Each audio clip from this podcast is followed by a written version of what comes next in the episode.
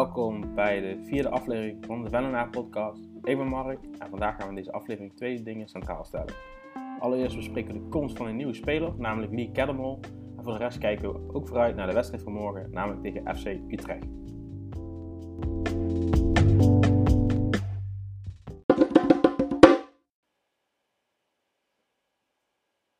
Lee Cademol is een Vennenaar. Op 17 augustus werd bekend dat de 31-jarige Engelsman mee ging trainen bij VVV en dat was een grote verrassing voor veel Vennonaren.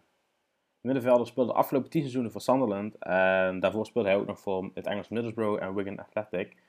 Toch wel drie gerenommeerde clubs in het Engelse voetbalwezen.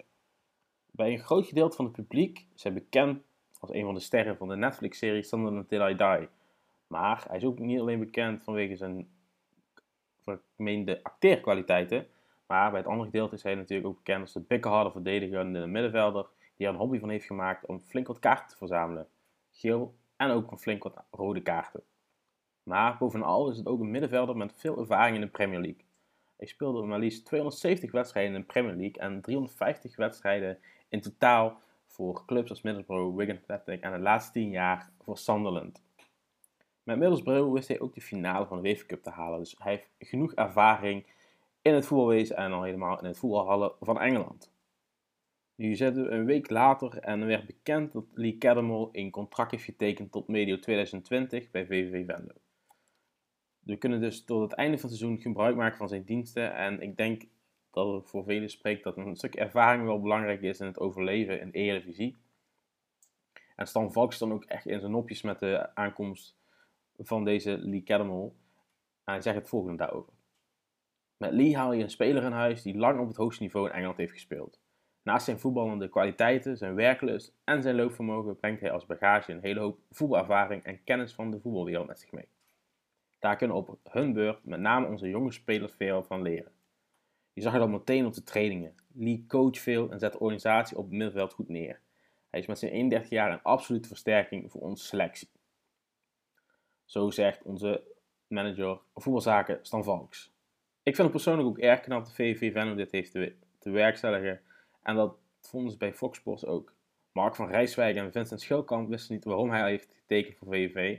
Maar zo ging je wel even in op dat hij een markant personage is.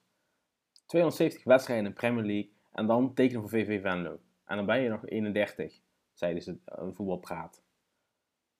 Nou, wij van Venlo vinden het dan ook echt een legende dat hij voor ons kiest. Waar hij zeker nog wel Engeland had kunnen spelen een aantal seizoenen. Maar Lee Cademon zelf ziet de overgang ook als iets moois. De club kwam op het juiste moment, zegt hij. Voor mij biedt het een nieuwe kans. Ik ben ook heel blij dat ik na zoveel seizoenen in Engeland nu in Nederland bij een mooie Eredivisieclub als VV Venlo aan de slag mag. Met mijn ervaring kan ik een bijdrage leveren aan de ontwikkeling van deze jonge ploeg. Ik kom samen met VV vooruit.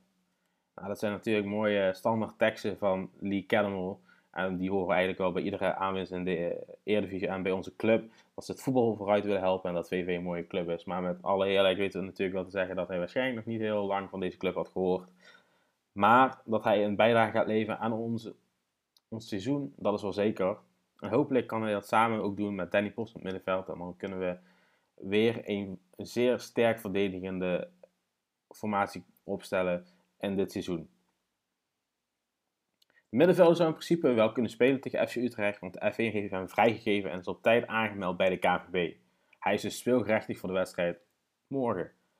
Hij zal waarschijnlijk niet starten, maar dat heeft te maken met het feit dat uh, hij is nog niet helemaal wedstrijdfit. Hij kan ongeveer 60 minuten spelen. En het feit dat uh, Danny Post terug is in de wedstrijdselectie, maar daar komen we zo later even op terug. Hoe hij hoe Kettelman wat gaat doen voor VVV, ja, de toekomst zal leren, maar wij denken dat we zowel een cult in huis hebben gehaald, maar ook een prima voetballer voor de Eredivisie. En die kunnen we goed gebruiken in onze strijd tegen degradatie.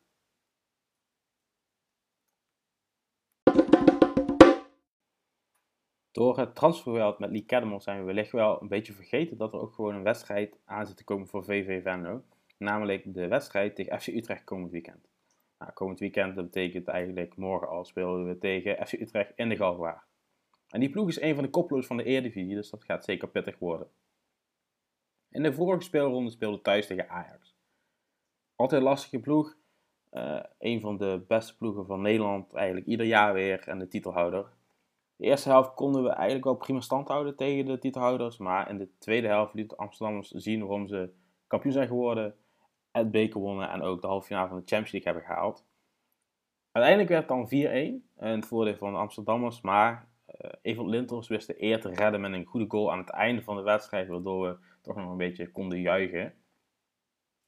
Maar nu, na die belangrijke wedstrijd, eigenlijk zijn elke wedstrijd belangrijk. Maar die wedstrijd tegen FC Utrecht is ook weer een moeilijke wedstrijd. Omdat FC Utrecht gewoon heel goed doet en een ploeg die vertrouwen heeft getankt in de Eredivisie. Ze speelden afgelopen weekend uh, tegen Feyenoord en wisten een knap punt te pakken. Mede door een, uh, een goede goal van Abbas. We zijn dus gewaarschuwd, maar dat waren het vorig seizoen ook. En toen wisten we met 1-1 gelijk te spelen tegen de Domstedelingen. Dus wellicht zit er iets nieuws in, uh, nieuws in het verschiet. Kunnen we weer een punt of misschien wel meer pakken in de Domstad. Als je kijkt naar de, naar de, samenvatting van de afgelopen wedstrijd, dan kon je zien dat we een aantal, aantal keren met Vlaag goed voetbalden. En voor VV is het even puzzelen eh, wat betreft de formatie, want een aantal geblesseerden in onze club. En er is natuurlijk de nieuwe aanwinst Lee Kernel. Hoe gaan we dit inpassen? Hoe gaat het eruit zien? Nou, dat is in principe nog niet helemaal vastgesteld.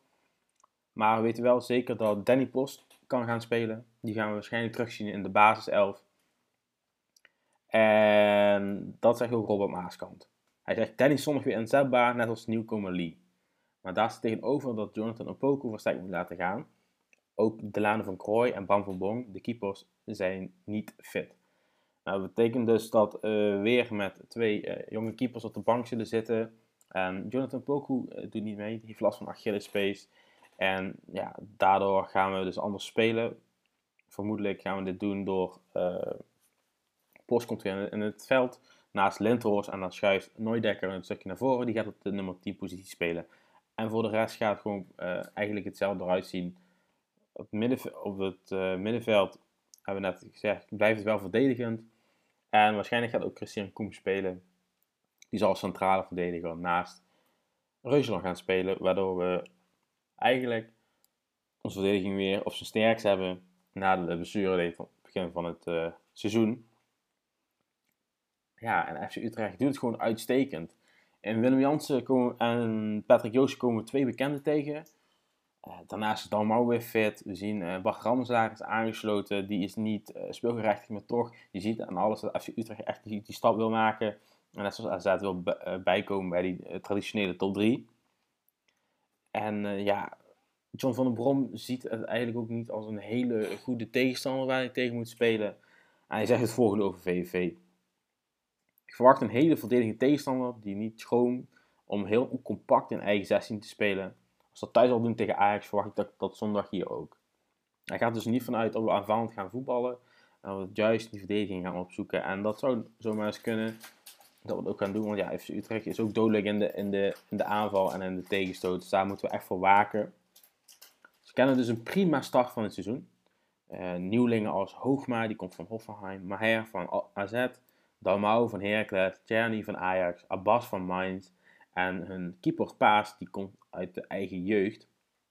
En ze begonnen met hele goede overwinningen op Adenhaag en SC. En afgelopen zondag werd dus een punt gehaald in de Kuip. Dus ze zijn er gewoon heel goed voor en kunnen dus makkelijk mee met de bovenste helft van de Eredivisie tot, tot dusver. Ja, het is moeilijk om te zeggen waar ze nu gaan eindigen, maar voor VVV gaat het een hele lastige uitwedstrijd worden. Pittige middag dus voor de Venonaren.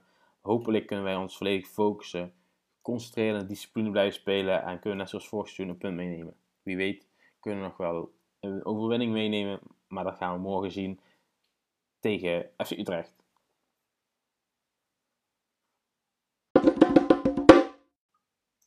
Daarmee zijn we aan het einde gekomen van deze voorbeschouwing op de wedstrijd tegen FC Utrecht. Hopen natuurlijk allemaal dat de Venenaren drie punten kunnen meenemen. Misschien is dat niet helemaal realistisch, dan maar een puntje. Maar dat zou al een, een stunt zijn bij FC Utrecht. Bedankt voor het luisteren. Als je nog op- of aanmerkingen hebt, laat ons gerust weten. En uh, wie is de volgende keer? Haaien.